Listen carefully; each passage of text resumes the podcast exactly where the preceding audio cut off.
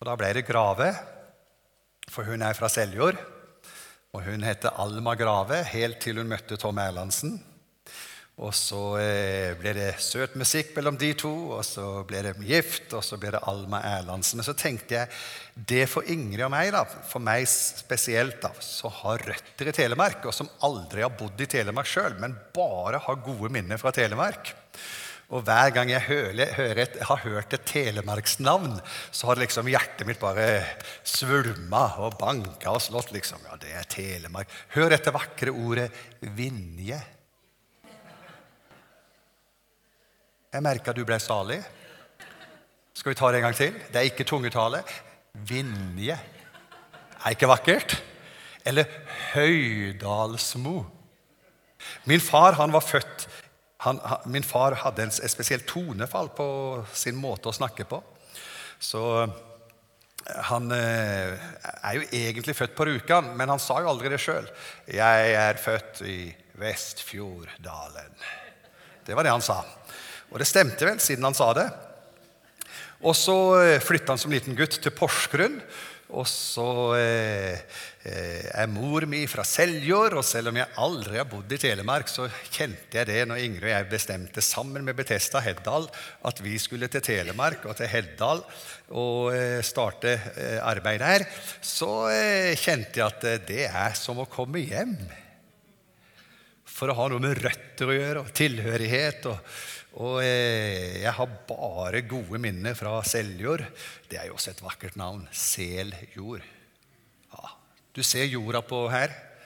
Det er seljord. Det er jord som er mottagelig. Det, jeg vet ikke hvorfor det heter Telemark. Er det mye tele i jorda her? Eller er det ganske frossent? Eller hva er det for noe? Telemark? Det må du forske på. Finne ut hvorfor du bor i noe som heter Telemark. Vel, jeg kunne frist, blitt frista nå til å fortelle masse historier. For selv om jeg aldri har vært på, eller i evangeliehuset, så har jeg så mange historier fra evangeliehuset gjennom faren min. For han er et barn av evangeliehuset. Og han og Morgan Kolmo, Hans Friberg og Konrad Kolmo de hadde møter i Korkhuset. Det var sånn grisehus. Og En gang så var, mens de prekte og sto på, smågutta De var barn, ja. Ja, de var småbarn. Eh, det er deres oppvekst her. Og En gang det var, eh, mens de prekte og sto på som best, så var det en høne som begynte å kakle. Og Da var det enten det var faren min eller så var det Morgan som sa 'ti, søster'. Ikke bra, vet du. Jeg er glad for vi har kommet litt videre fra den gangen der. Ti søster. Og så var det menighetstukt. De praktiserte menighetstukt, disse smågutta. Morgan Kolmo, Konrad Kolmo, eh, Tom Erlandsen og Hans Friberg. Og Konrad Kolmo han måtte alltid være synderen som skulle komme fram og bli frelst. Og så var det menighetstukt en gang. For da hadde disse gutta observert at det var et ektepar. Jeg husker, jeg har ikke navnene, jeg vet du, men noen av dere husker kanskje og vet kanskje hvem det var. Men det var et ektepar hvor mannen var ute i gangen på gamle evangeliuset. Han var, ute i gangen og passa barna, mens kona var framme på plattform og spilte piano. Og det var jo helt uhørt at hun skulle være der mens eh, han var ute og passa barna. Og det ble en alvorlig sak, for nå, eh, fru Kolmo, kona til Sverre Kolmo, hun måtte ta opp dette med Agnes, min farmor. Agnes Karlsen gift med Erland Karlsen. Og Hun måtte ta det opp med han og lurte på hva er det dere snakker om der, fremme, der hjemme. liksom? Som gjør at disse guttene snakker sånn om hun som gjør en fantastisk tjeneste i, i, i musikken. Nei, det var noe gutta hadde sett helt alene. Det hadde ikke vært noe tema hjemme i det hele tatt var noe de hadde kommet på helt sjøl. Og så var det en gang de prekte om Noah, og det regna og det regna og det regna. Og så lurte de på hvilken sang skulle de ta etter å ha prekt om Noah. Så fant de ut de skulle synge 'Vi går om bord i briggen Albertina'. Så dette er sånne historier jeg vokste opp med. da. En historie som jeg fortalte til Jan Tore, det var at det var dåp i eh, gamle evangeliehuset. Og så var det en som var veldig spent, fordi det var en som satt i musikken eh, ved stolen som var nærmest dåpsbassenget, og han holdt på å sovne. og Det var det en i salen som fikk med seg. Og han tenkte her må vi passe på at det ikke går galt. At han sovner og ramler oppi bassenget. Og så var det, Han var borte et lite øyeblikk, han i salen som tenkte her må vi passe på. Han var borte et lite øyeblikk, og Så kikka han opp, og så hørte han et plask. Og så så han at mannen som hadde, han var borte. Og så lurte han på liksom, Og han spratt opp og hoppa oppi bassenget og begynte liksom Er det noen som husker den historien? Ja, Dere husker den historien? Han hoppet opp, og de lurte på hva all verden er han holder på med. Hva er det du gjør? Hvor er gammelen? Hvor er gammelen? Hvor er gammelen? ropte han som trodde at han hadde rammet. Men han hadde ikke ramla oppi, han hadde bare reist seg og gått. Så det er sånne pinsehistorier fra evangeliehuset. Ja. Inger og Trond Moi, tusen takk for invitasjonen til å være sammen med dere her. Takk for velkomst, eh, Jan Tore. Takk til Philip og Runa som hjelper meg med både lyd og bilde. Eh, jeg kjente en lydtekniker i Trondheim. Han hadde på T-skjorta si 'Da Gud sa det blir lys', eh, var lyden allerede på plass. Så det er liksom lydteknikernes motto, liksom. Da Gud sa det blir lys, var, var lyden allerede på plass. Ja. Runa, jeg er liksom bare Salute you. Ja, så bra. Og eh, Nå skal vi snakke litt om Jesus. Er ikke det bra? Er det greit? Jeg har hørt at dette her heter Evangeliehuset. Og det går ikke an å hete Evangeliehuset uten at det handler om Jesus det er huset hvor evangeliet blir delt. Og evangeliet, det er jo Jesus Kristus. Det er jo han som er selve evangeliet. Så jeg skal si litt om eh, å, dele Jesus, for det er det som er vårt oppdrag. Og da skal jeg lese to skriftsteder før jeg går inn i, i prekenen her. Det er i eh, Jesaja så står det i vers eh, 8 i kapittel 45.: La det regne ovenfra, du himmel, rettferd skal strømme fra skyene. Jorden skal åpne seg eh, og gi frelse som frukt, og eh, la rettferdighet spire. Jeg, Herren, skaper dette. Så det er, det er, Jeg skal ha sånn liten jordbrukstime med dere her nå. Og det er jo ikke noe rart, jeg kommer jo fra Heddal. Så dere tar jo den. Og så er det Hosea som sier så rettferdssed, høst troskapsfrukt, bryter et nytt land, for nå er det tid for å søke Herren før Han kommer og lar rettferd regne over dere. Dere, Jeg har oppdaga og funnet ut er en veldig enkel oppdagelse. Det er ingen mennesker som blir frelst ved din og min mening. Det er ingen som blir frelst ved din og min gode moral. Det er ikke din moral og min moral som er såkornet. Det er ikke dine og mine meninger som er såkornet. Det er ikke meningene som er vårt oppdrag å formidle. Og jeg beklager å si det, men noen ganger så tenker jeg at eh, meningsbærerne av meninger de virker så veldig sinte.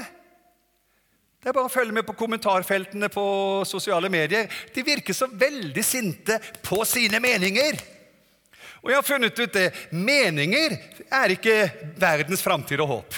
Våre meninger de kan til og med skifte. Er det noen som i dag har noen andre meninger enn du hadde for 20 år siden? Og dere andre, dere er statuer. Statuer skifter jo aldri mening. De skifter jo ingenting. Men alle vet her Jeg, jeg, jeg bare spøker litt, eh, for jeg er opptatt av det at i kirka skal vi ikke bare ha det gøy, vi må ha det moro også. Og så er det sånn da, at eh, jeg tenker at eh, det er et sunnhetstegn at vi kan forandre litt på noen meninger. Men det er usunt hvis vi forandrer på vår tro. Så vi, skift, vi skiller mellom tro og mening. Og min tro, det er ikke en mening. Min tro er en person. Og det er personen Jesus Kristus. Han er min tro. Han er ikke bare en mening som jeg har, og som jeg av og til bytter mening. Nei, han er en solid tro. Han, han er grunnfesta, og jeg er grunnfesta i han. Det er Jesus Kristus. Så jeg er veldig glad for Jeg tok faktisk bilde av teksten eh, når lovsangerne eh, sang her, fordi jeg måtte få med meg nøyaktig hva dere sang. Jeg har et hjerte som jeg fyller opp med Jesus. Det sang vi. Var det noen som var med å synge det?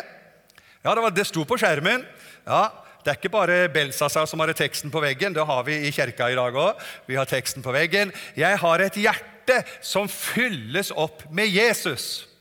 Og Vi har bare ett hjerte, men vi fyller det opp med Jesus. Det er Jesus vi skal dele. Det er Jesus vi skal formidle. Det er Jesus som er verdens håp. Det er Jesus som er verdens framtid. Det er pga. Jesus at menigheten er en overvinner. Det er pga. Jesus Kristus at vi blir stående etter å ha overvunnet alt. Jeg elsker Jesus Kristus! Det er han som er hele eh, eh, engasjementet i mitt liv. Så jeg vil si litt om å dele Jesus. Jeg har funnet ut noe veldig enkelt. Sår du hvete, høster du ikke havre. Sår du havre, høster du havre. Sår du hvete, høster du hvete. Sår du dine meninger, høster du dine meninger. Men sår du Jesus Kristus, da høster du ja, Vi må få med etternavnet òg. Ja, riktig. Frelseren, den salvede. Kongen.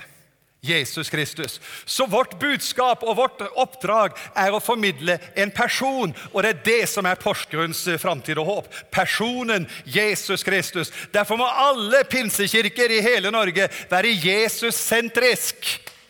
Vi må være opptatt av Jesus Kristus. Vi skal løfte opp Jesus Kristus. Det er han som er vår store helt. Det er han vi elsker, og han elsket oss først. Og vi er begeistra for Jesus Kristus. Vi deler Jesus som såkorn. Og det er jo sånn at Jesus han kommer ned i jordsmonnet.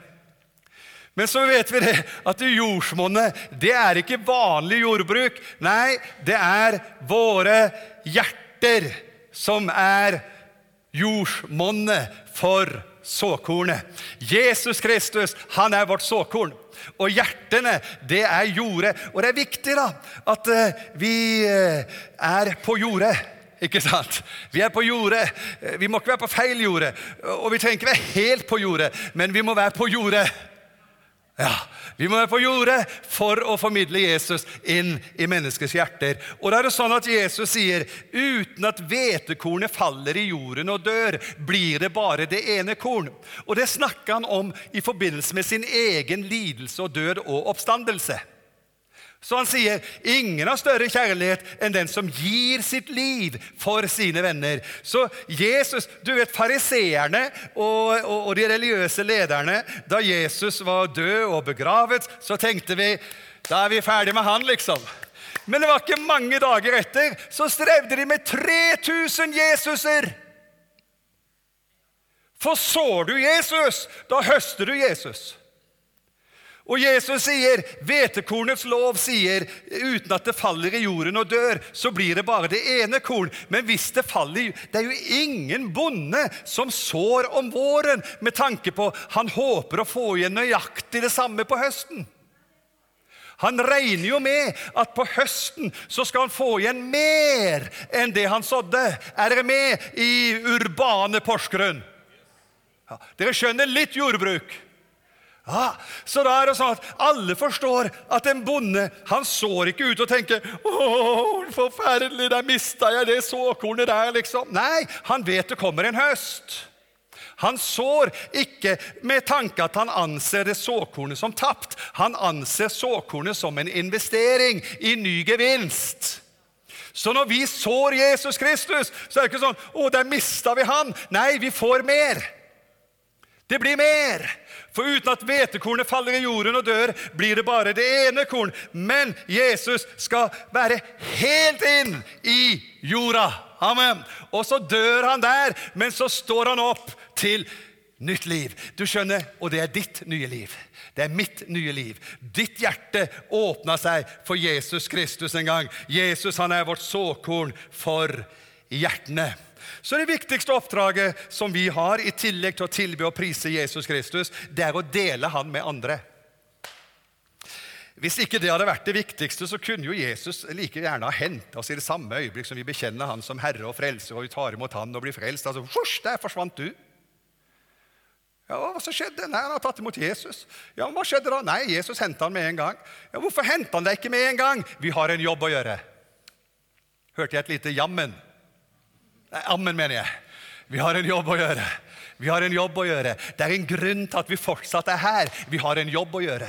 Vi har et såarbeid. Vi har noe som vi skal gjøre, nemlig vi skal dele Jesus med andre mennesker. Han er vårt såkorn for hjertene. Jesus snakker veldig tydelig om dette i den lignelsen som han har om såmannen. Jesus han pleide å fortelle lignelser for å lære oss noen eh, lessons, leksjoner, lære oss noen eh, gode gode undervisningsviktige eh, knagger som vi kan henge troa vår på. Og han lærte oss at eh, vi skal eh, så ut såkorn. Eh, lignelsen til Jesus det er fortellinger som vi kan lære av. Og Da sier han i Lukas 3, 5. En såmann gikk ut for å så kornet sitt. Kan vi lese det sammen? 1, 2, 3. En såmann gikk ut for å så kornet sitt. Han gikk ut for å så kornet sitt. Det var hans. Han gikk ut for å så kornet sitt. Han hadde ikke stjålet det. Det var ikke noen andres. Nei, det var hans. Er Jesus din? Ja, Da har du rett til å dele den. Hvis du har stjålet den, har du ingen rettigheter. Men han er din. Amen. Vi sår det som vi har. Vi sår det vi har. Den gangen Peter og Johannes er på vei opp til tempelet, så sier en, en tigger der liksom han vil ha penger og almisser. Men eh, Peter sier sølv og gull det har vi ikke. Det vil si, de hadde det egentlig, men de hadde ikke lommeboka med seg. Amen. Bare til alle dere som lage en lære ut av at de ikke hadde penger og noen ting i den første menighet. Det stemmer ikke. fordi at eh, alle de som hadde noen ting, de solgte det de hadde, og så kom de med pengene og la det ned for apostelens føtter. Så må ikke komme her og komme her og si at de ikke hadde penger. De hadde penger, men akkurat da hadde de ikke med seg lommeboka. Amen. Det var en ny åpenbaring for noen. Jeg ser det på ansiktet ditt.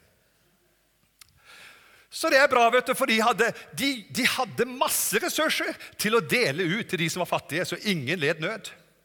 Så, men akkurat da hadde de ikke sølv og gull med seg. Men så sier Peter, 'Men det jeg har, det gir jeg deg.' Og hva er det han sier? Du skjønner det, at jeg har mingla med Jesus. Mitt navn er Peter. Du skjønner det at eh, han Johannes er, han er ikke så mye å regne med. Han er en tørr fisk om bord i båten, mens jeg har gått på sjøen. Du kan ikke satse så mye på han, men uh, I'm the big preacher. My name is Peter.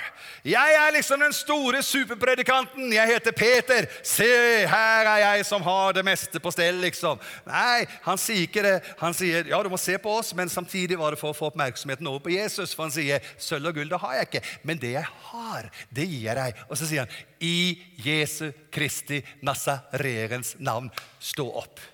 Reis deg og gå. Så ser du, det er Jesus Kristus som han brukte til å så ut. En såmann gikk ut for å så kornet sitt. Det er viktig at vi ser han gikk ut for å så kornet sitt. Jeg husker da Ingrid, Ingrid og jeg har vært pastorer og misjonærer og menighetsplantere i Bayern i, i Tyskland, i Garmisch-Partenkirchen og, og, eh, utover der i området. Og, og, og da var det en eh, journalist fra Korset Seier som kom og intervjuet oss. og Så spurte han når går dere ut. spurte han. Når går dere ut? Og hvordan går dere ut? Skjønner dere spørsmålet? Når går dere ut? Men eh, du vet, når spørsmålet er feil, blir svaret feil. Så han spurte når går dere ut. Og da svarte jeg vi går aldri ut. Går dere aldri ut? Nei, vi lever ute. Du vet, hvis du går til foajeen her, og så ser du en utafor døra der, og så går du ut til han og så sier 'Nå må du gå ut', det gir ingen mening. Han er jo ute. Og så er spørsmålet 'Hvor er du?' Du er jo også ute. Er du ute? Ja, du er ute. Du er ute på jordet hele tida. Og jordet heter arbeidsplassen din. Jordet heter skolen din. Jordet heter nabolaget ditt. Jordet heter vennene dine. Jordet heter kollegene dine. Jordet heter eh, eh, medarbeidere og, og, og, og, barn og voksne. Og, der hvor du befinner deg, det er ute. Så vi lever ute. Og da er det sånn at det, selv om jeg egentlig er urban, så har jeg lært litt ved å bo noen måneder i Heddal. Og da er det sånn at Selv om Gaustatoppen er en vakker fjelltopp, og selv om den er så fin at det på flotte, klare dager så ser du en sjettedel av Norge. Det er barnelærdom. Du ser en sjettedel av hele Norge fra Gaustatoppen. Når du er på toppen der og kikker utover, så ser du en sjettedel av hele Norge. Men det er ingen bonde som går opp på Gaustatoppen for å så sitt såkorn. Det ble tyst i den katolske kirke her nå. Nei, det står en såmann gikk ut for å så såkornet sitt. Det vil si, vi må være der hvor såkornet skal settes i jorda. Det er den vanlige måten å så på. Det er ikke sånn distansesåarbeid. Nei, det er tilgjengelighetssåarbeid. Det er noen som har lurt på liksom, når evangeliserer dere? Og noen har landa på vi evangeliserer i uke 37. Jeg har et nytt forslag. La oss evangelisere i uke nå. For evangelisering er jo ikke en aksjon og en aktivitet, men det er et liv som leves ute på jordet. Og der deler vi Jesus. For Jesus, det hjertet er fylt av, det flyter munnen over med. Og vi sang 'Hele hjertet er fylt av Jesus'. sang vi. Ja, men da er det jo det som flyter over når vi åpner munnen. Når vi snakker med folk, så kommer vi inn på det her med Jesus. Vi snakker ikke bare om kirka, vi snakker om Jesus. Og så er det mange kloke måter å gjøre det på. Vi skal ikke være dumme vet du, liksom, og, og, og uforstandige. Det er mange anledninger. Da jeg kom til Garmisch-Partenkirchen, begynte jeg å spille fotball i en klubb. Jeg hadde spilt på moro skyld. Jeg var jo gymnastikklærer. Det var helt nytt for meg. Det hadde jeg glemt. Eller jeg hadde fortrengt. Nei, men uh, Da jeg kom til Garmisch-Partenkirchen, så tenkte jeg jeg må få en naturlig kontakt med folk her. fordi at vi skal jo plante menighet. Vi kjenner jo ingen her. Så, så jeg tenkte jeg får begynne å spille fotball. og de, de, Jeg spilte litt fotball på Løkka, og så var det noen som kom forbi, og så ville de ha meg med på laget sitt. Og det er jo ikke noe rart, for jeg var jo innmari god den gangen. Litt god. I hvert fall så ble jeg med på laget deres, og så skulle vi være med på en fotballturnering med 32 lag. Og, og, og da snakka de gutta om at vi har, en, vi har, et håp om at vi skal bli i hvert fall blant de åtte beste. Det var håpet i den fotballturneringen. Men da tenkte jeg dere glemmer at dere har en pastor på laget. Så vi kom på topp tre. Selvfølgelig. Herrens velsignelse gjør rik, og eget strev legger ingenting til. Så eh, vi ble nummer tre. Eh, er ikke det bra? En applaus for at vi ble nummer tre pga. pastoren. Ja, pastoren, var, Du skulle sett haka deres når de fikk høre at jeg var pastor.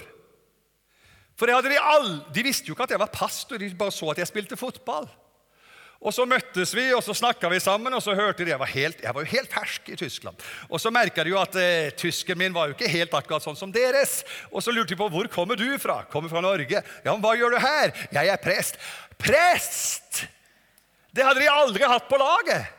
En prest på laget! Det her må jo bare gå bra. Men de hadde ikke tro for mer enn åtte, men vi ble tre. Og I løpet av turneringa så snakker de med meg og så sier Dø, kommer en til meg og sier Dø, jeg bare kjenner inni her sånn, at vi kommer til å vinne neste kampen. Tror du det er Gud? sa han. Tror du det er Gud? Det er sånn man snakker til pastorer. vet du. Tror du det er Gud? Ja. Så sier jeg jeg vet ikke om det er Gud, men, så, men hvis det er Gud, da vinner vi. For Gud kan ikke ljuge. Så hvis det er han som har sagt det til deg, at vi vinner neste kampen, da blir det sånn. Og så vant vi, vet du. Så tok jeg sånn, sånn. Ser du? Gud er til å stole på, vet du. Så kunne vi si noen enkle ord om at Gud er troverdig. Om at hvis Gud sier noen ting, så kan vi stole på det. Og så var det en som kom til meg og så sa han det at Kan ikke du be Gud hjelpe oss at vi vinner neste kampen? Kan ikke du be nå? Be til Gud. Du kjenner jo han. Kan ikke du be at vi vinner neste kampen? Så sa jeg nei, det kan jeg ikke gjøre, for det her var sånn sjumannslag. Så da sa jeg det kan jeg ikke gjøre, for da blir vi åtte mot sju. Og det er jo urettferdig. Og min Gud er rettferdig. Så kunne jeg snakke om at Gud er rettferdig. Skjønner du hva jeg mener? I hverdagen så får vi anledninger til å putte inn noen ord om Jesus Kristus. Men vi må være til stede. Så jeg har landa på det at evangelisering er ikke å gå ut. Evangelisering er ikke en aksjon. Evangelisering er ikke en spesiell uke i løpet av året. Og så er vi desillusjonert og fortvilt og frustrert etter uka, men vi har i hvert fall prøvd å evangelisere, og så holder vi tett liksom i 51 uker fram til neste uke, hvor vi igjen skal evangelisere. Nei, det er ikke sånn som er kirke. Vi er jordens salt. Det er ikke noe vi gjør. Vi er det hele tida. Vi er verdens lys. Det er ikke noe vi gjør. Vi er det hele tida. Så jeg har landa på det at evangelisering det handler om å være tilgjengelig. Det handler om å være til stede. Det handler om å være på jordet. Og når vi er på jordet, så må vi passe hvor vi tråkker, for vi må ikke tråkke på folk. Vi må være omsynsfulle og hensynsfulle med mennesker som vi er i kontakt med. Så vil vi se at det, det, kan altså skje at jorden vil åpne seg og gi frelse som frukt. Det er når hjertene åpner seg, for det du deler, det er troverdig.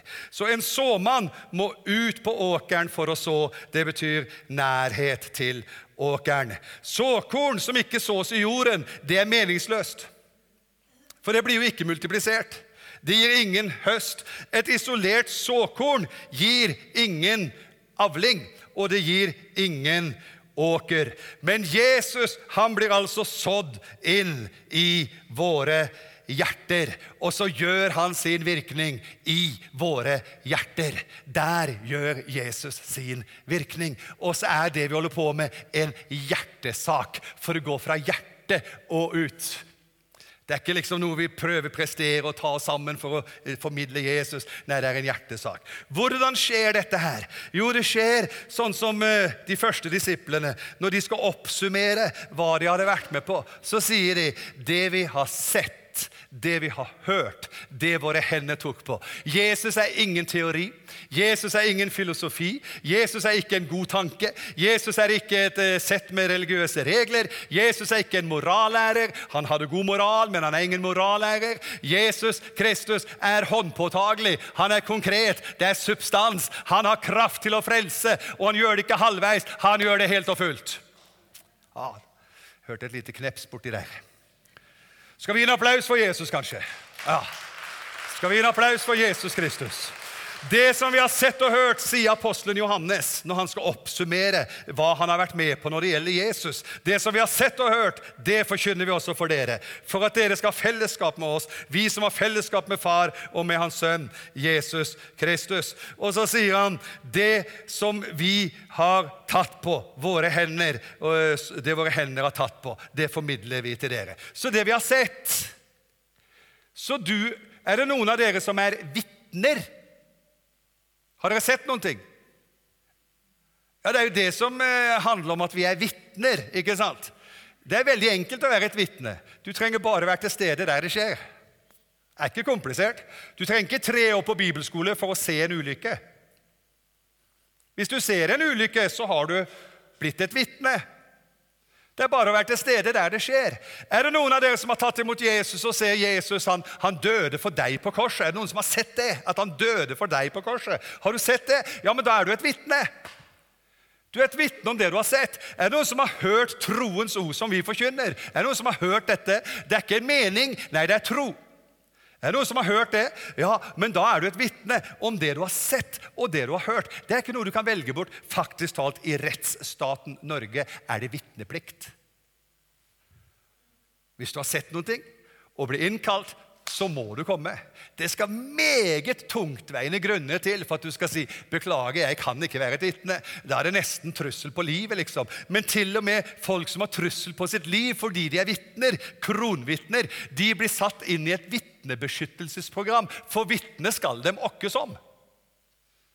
Så vi er vitner om det vi har sett og hørt, og vi deler det vi har sett og hørt. Så Jesus er ordet. For når Jesus skal oppsummere hele lignelsen om såmannen, så sier han såkornet er ordet. Og alle pinsevenner vet eh, mer eller mindre ordet ble kjøtt og tok bolig iblant oss. Det er hele hemmeligheten. Ordet ble kjøtt og tok bolig iblant oss. Ordet ble tilgjengelig. Jesus Kristus. Ordet var Gud, ordet var hos Gud. Uten Han er ingenting blitt til av alt som er til. Det er Jesus Kristus som er ordet. Jesus er vårt budskap. Han er evangeliet. Huset. Ta bort Han, og dere har ingenting igjen.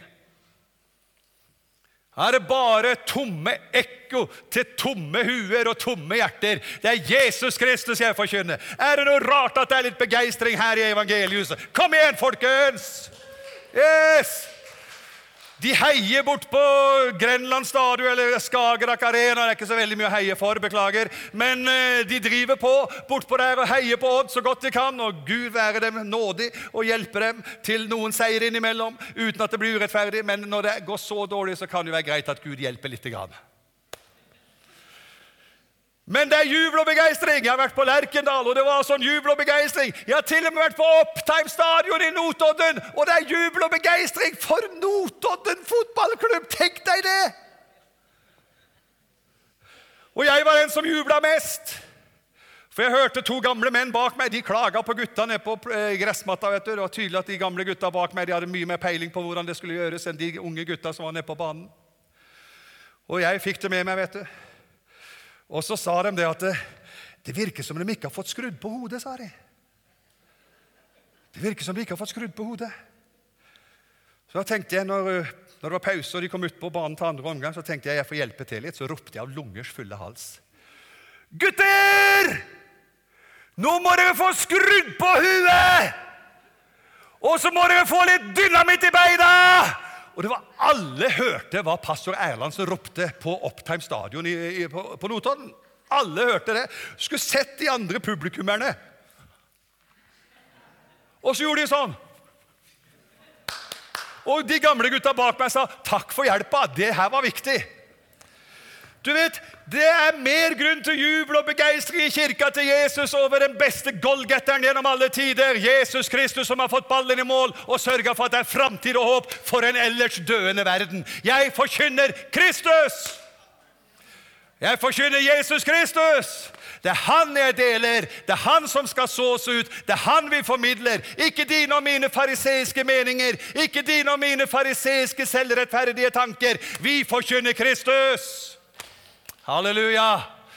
Eh, jeg skjønner jo at jeg er i evangeliehuset, for faren min han pleide å fortelle meg han elsket og nå må du høre tonefallet hans da, han elsket på møtene i evangeliehuset, i gamle evangeliehuset overraskelsesmomentet. Overraskelsesmoment. Det var ikke overraskelsesmomentet, overraskelsesmomentet. Det var noen store greier. Det var når det begynte å skje noe som ikke var planlagt Det var når den ene søstera reiste seg og begynte å tale i tunger, og det var ofte Agnes Karlsen, og så var det fru Kolmo som tyda. Og det, det, Jeg vokste opp med disse historiene. jeg vet du. Så jeg skjønner jo at det er i evangeliehuset. Er dere klar for overraskelsesmomentet? Ja. Ok.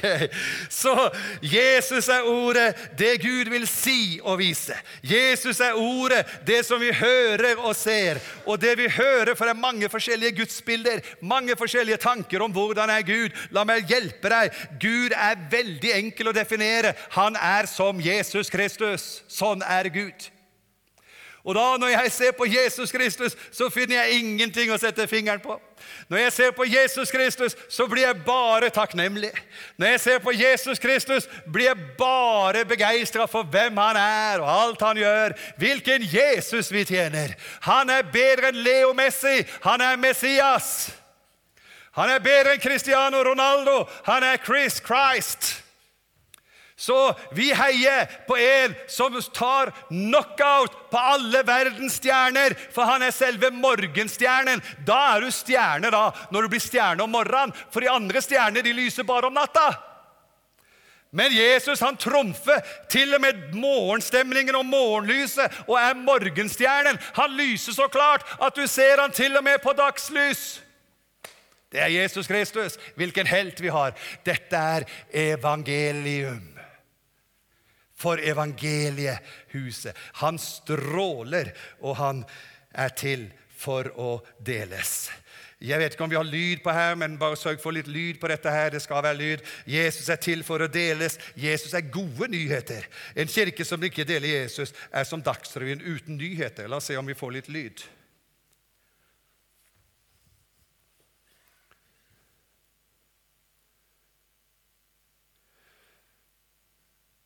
Det ikke noe lyd? Det er bare bildet. Ok, men da tar jeg det en gang til. Alle kjenner vignetten på Dagsrevyen. Ok, Så nå er vi klar for Dagsrevyen. Dere ser klokka er snart 19. Så da må jeg snart inn for landing her òg. Å nei, jeg har en hel time på meg.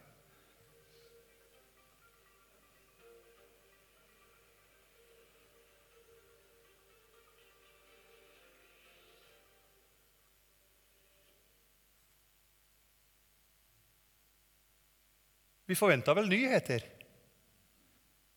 Men det kom ingenting. Det var bare vignetten. Bare jinglen. Det er som en kirke som ikke formidler Jesus. Vignetten og logoen og programmet og alt er klart, men det er ingen nyheter. Og vi liksom forventer nå kommer nyhetene. La meg bare si denne kirka her er predestinert. Det er bestemt. Det ligger i navnet deres. Dere har ett oppdrag, og det er å formidle Jesus. Og han er det gode budskap. Han er det glade budskap. Han er evangeliet. Jesus Kristus. Han formidler vi. Lignelsen om uh, såmannen uh, vi eh, skal bare gå fort forbi den her.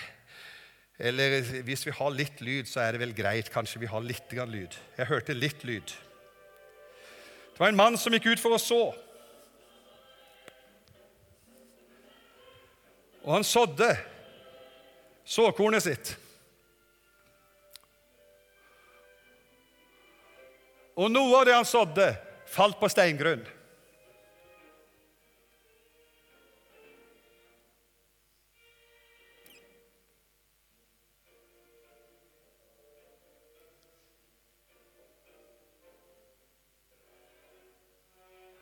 Og det ble tråkka ned, for det falt på steingrunn.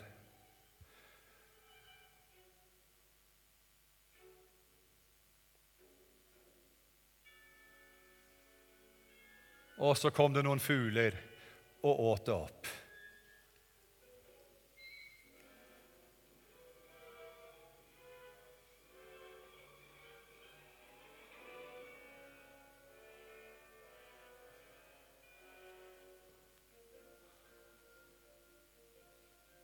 Så det som falt langs veien, det ble tråkka ned. Og så var det noe som falt på steingrunn, og det vokste jo fort opp. Av tynt jordsmonn. Men det visna ganske fort og tålte ikke så mye motgang.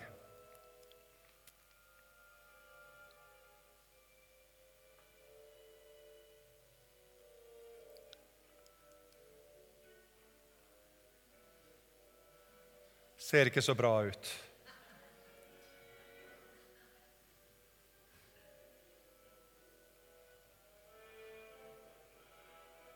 Og så var det noe som blant, falt blant tistler og torner.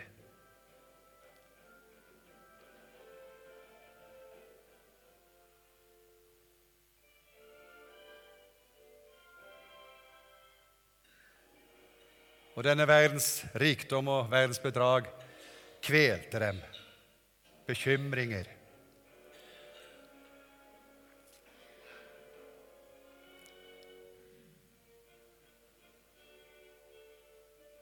Og så var det noe som falt i god jord.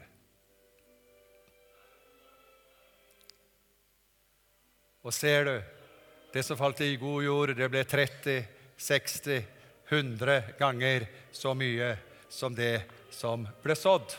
Det falt i god jord. Dette er lignelsen som Jesus forteller i Lukas 8, 56. Da han sådde, falt noe på veien. Det ble tråkka ned. Fuglene i himmelen kom og spiste det opp. Noe falt på steingrunn, og det visnet straks det kom opp fordi de ikke fikk hvete. Og da han eh, sådde, falt eh, noe også eh, på eh, god jord. Og eh, noe falt blant tornebusker, og det vokste opp og kvalte dette her. Og noe falt i god jord, og det vokste opp og bar frukt hundre ganger det som ble sådd. Og da han hadde sagt dette, så ropte han ut, eh, den som har ører, han hører eh, hva dette her innebærer. Hva er det vi lærer av historien om såmannen? Og der har vi til tider tenkt vi må sørge for å så i god jord. Er det noen som har tenkt det noen gang? Vi må så i god jord. Men det er jo ikke det Jesus forteller. Jesus forteller at såmannen sådde overalt. Han sådde på alle mulige jordsmonn. Så moralen, det vi lærer, det er altså vi skal dele Jesus overalt. For hva vet du om jordsmonnet til de menneskene du omgås? Så vi deler Jesus overalt. Der hvor vi er, der er Jesus, og der deler vi Han. Så det er den gode jorda, det er de som hører ordet. De tar vare på det i et fint og godt hjerte, så de er utholdende og bærer frukt. Jesus er vårt såkorn som bærer god frukt. Han faller i hjertets jordsmonn, og så blir det mer enn dette ene kornet. Vet du hva som skjer når vi deler Jesus? Så blir han mangfoldiggjort. Jesus blir mangfoldiggjort. Eh, det, det, er mange som har Jesus i hjertet sitt. Noen tror at hvis jeg deler Jesus, hva blir det igjen til meg da? Og noen tenker kanskje en delt Jesus blir en halvert Jesus. Han blir jo bare halvert. Så blir det liksom Du får Jeg deler Jesus med deg, og da er det en halv Jesus til deg, og så er det en halv til meg. Da har jeg bare en halv igjen, og så deler jeg det halve jeg har med deg, og da har du en kvart og jeg en kvart. Og så deler jeg det kvarte med deg, og da har du en åttendel og jeg en åttendel. Og så deler jeg min åttendel med deg, og da har du en sekstendel og jeg en sekstendel. Så blir det mindre og mindre Jesus etter hvert som vi deler han. Men det er ikke sånn det er. vet du. Det er ikke sånn at når vi deler, så blir det mindre igjen. Nei, fordi at det paradigmet som Jesus snakker om når han snakker om at han er såkornet, det er at når det faller i jorden og dør, så blir det mer. Mange flere hele korn. Derfor så sier Hebrebrevets forfatter han sier, 'Han som helt og fullt kan frelse dem som kommer til Gud ved ham. Så eh, Jesus blir ikke delt. Nei, la meg få lov til å presentere for deg dagens dobbel. Amen. Så når vi presenterer Jesus Kristus, så blir han ikke halvert, han blir fordobla. Amen. Så du får en hel Jesus, og jeg har fortsatt en hel Jesus. Og så deler du Jesus, og så blir det en hel Jesus til deg og en hel Jesus til deg og en hel Jesus til meg. Det blir mer Jesus i Porsgrunn. La oss teppelegge Porsgrunn med Jesus Kristus. Det er det som trengs i denne byen og i hele vårt land. En delt Jesus mange ganger blir mange ganger Jesus. Så historien om såmannen det er at vi deler Jesus med andre mennesker. Og da må vi leve nært menneskenes hjerte. Skal vi reise oss, og så skal vi be sammen. Takk, Jesus. Takk, Herre. Takk at du har betrodd oss å formidle deg, dele deg, gi deg videre. Takk at når vi gir deg, så mister vi ikke deg. Vi får mer av deg. Det blir mer av Jesus i samfunnet vårt, på arbeidsplassen, i skole, i eh, forskningsmiljøer, i, i eh, undervisningsinstitusjoner, i det politiske liv, i kulturlivet, i idrettslivet. Det blir mer Jesus. Og jeg takker deg, far, for at vi kan være med og formidle Jesus Kristus der hvor vi befinner oss. Og vi takker deg, far, at det er ikke vi som er såkornet, nei, det er Jesus Kristus. Så jeg ber, far, om at vi skal gjøre, gjøre som eh, Peter. Det har, det gir jeg deg i Jesu Kristi Nazarerens navn. Det jeg har, det gir jeg. Og det skal handle om deg, Jesus. Vi vil formidle deg. Halleluja. Vi takker deg. Kanskje sangerne og musikerne kan komme fram her. Skal vi bare lukke øynene våre, for jeg vil gi en, eh, et spørsmål her på avslutning av det jeg skal dele. Eh, jeg vet ikke, eh, Er det noen her som kanskje ikke har tatt Jesus inn i sitt hjerte? Det vet jo ikke jeg, men det vet du. Og da er det sånn at jeg vil spørre deg om du vil ha Jesus inn i ditt hjerte. Du vil si at ja, i mitt hjerte skal være et åpent jordsmonn. Åpen jordsmonn som tar imot såkornet i Jesus Kristus. Og det som skjer når Jesus kommer inn som såkorn i ditt og mitt liv, det er at han skaper nytt liv i oss, og så påvirker han oss med den frukten som kommer ifra han, nemlig rettferdighet og fred og glede i, og, og, og, og, kraft. Det er det som preger hans rike, der hvor han eh, går fram. Så eh, hvis du kjenner Yes, jeg vil ha Jesus inn i mitt hjerte. Jeg vil vil ta imot ham her i kveld.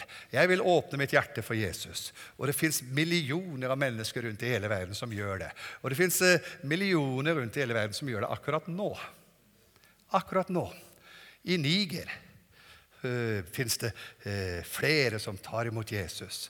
Og det misjonsarbeidet, det er viktig i Niger så Jesus Kristus ut i Niger. Jeg har vært der. Jeg har vært i Niger, jeg har vært i Niamey. Så det er viktig å så Jesus inn i den nasjonen der. Er det noen her som kjenner yes, jeg vil uh, ha Jesus inn i mitt liv, så uh, skal vi ikke be deg komme fram. Jeg vil bare be deg løfte hånda, så skal jeg be til Gud for deg her framme fra. Bare løft opp hånda di hvis du sier ja, jeg vil eh, ha Jesus inn i mitt liv, inn i mitt hjerte. Jeg vil ta imot Han. Jeg vil åpne mitt hjerte for Jesus Kristus. Bare løft opp hånda di. Og jeg ser dere alle sammen. Men det er bare jeg som ser dere. Og jeg reiser etter dette møtet, så det er en personlig sak mellom deg og Gud. Så bare løfter opp hånda di. Bare løft den høyt opp. På fredag for to uker siden så hadde vi en ung mann på vår, vårt ungdomsmøte i Heddal for første gang. Og Da delte jeg om eh, den eh, gutten som ga det han hadde til Jesus. Fem brød og to fisker. Og så snakker jeg om at eh, vi kan gi ting som vi har, og ting som vi eier. og Vi kan gi det til Jesus. Ja, vi kan gi livet vårt til Jesus. Så spurte jeg er det noen som vil gi livet sitt til Jesus. Så var, så jeg han nye gutten. han holdt hånda litt sånn forsiktig her. Så sa jeg Nei, løft hånda høyt opp sa jeg, til dere som ønsker å ta imot Jesus. Og så spratt hånda hans høyt opp i været, så alle kunne se at han ville ha, gi, sitt liv til Jesus. Så hvis du ønsker å ha Jesus inn i ditt liv, bare la hånda gå høyt opp, så vi kan se det. Jeg kan se det. Ikke sånn forsiktig sånn. Nei, bare høyt opp, så vi kan se det. Så skal jeg be til Gud for deg. Da er det ingen jeg ser her nå som, som er der at de ikke har Jesus, eller, eller eh, ikke tenker, tenker, ikke at de, de, trenger å ta imot Jesus, for du har antageligvis allerede gjort det, eller du vet ikke hva du går glipp av. Men så vil jeg stille et spørsmål nummer to. Hvem er det som ønsker mer aktivt, på en klok og vis måte, å formidle Jesus til andre mennesker som ennå ikke har tatt imot Jesus? Hvem er det som vil gjøre det? Løft opp hånda. Du som på en positiv, klok måte, med visdom og forstand, men med ånd og med kraft ønsker å dele Jesus med mennesker som ennå ikke tror. Med klokskap, men du må bruke ord. For det er ordet som eh, er virkekraftig, og det er Jesus Kristus. Så du, du, kan ikke bare vise ved gode gjerninger. Nei, du må faktisk formidle et budskap. Budskapet er Jesus Kristus. Løft hånda di høyt opp, du som ønsker å dele Jesus med andre mennesker som ennå ikke tror. Takk, Herre. Takk, Far, at du skal hjelpe oss. Gi oss visdom. Gi oss visdom, Far, til å formidle Jesus Kristus, og så Jesus, og dele Han med andre mennesker, slik som du eh, gjorde det sjøl, slik du delte ditt liv. Så ber vi om at vi her, alle som er her, som ønsker å dele deg med andre mennesker, de skal få visdom fra deg til å gjøre dette på en god måte. Herre, vi takker deg for det i Jesu navn. I Jesu navn. Amen. Amen. Det siste jeg vil si, det er personlig, før vi skal prise Jesus her. Dere kjente kanskje Agnes og Erland Karlsen. Kjente dere dem noen? Var det noen som kjente Agnes og Erland Karlsen? Ja. Du vet, eh, Erland Karlsen han var en tøffing. Han kunne si midt i en stor forsamling og rope fram 'Jeg gjør oppmerksom på at klokka står'. Da syntes han predikanten hadde prekt litt lenge. Og Han kunne være litt sånn tøff i, i stilen. Og min farmor hun var en, en meget mild person. Og eh, jeg tenkte på det når du snakker om eh, ekteskapsseminar og paradiser, eller paradis. Altså et paradisisk forhold i ekteskapet. Det jeg kan si om Agnes og Erland, det var at de faktisk allerede i sitt ekteskap praktiserte eh, tusenårsriket. For det står om tusenårsriket at løven og lammet skal beite fredelig sammen. Og det gjorde Agnes og Erland så kan du jo sjøl finne ut hvem var løven og hvem var lammet. Takk for meg.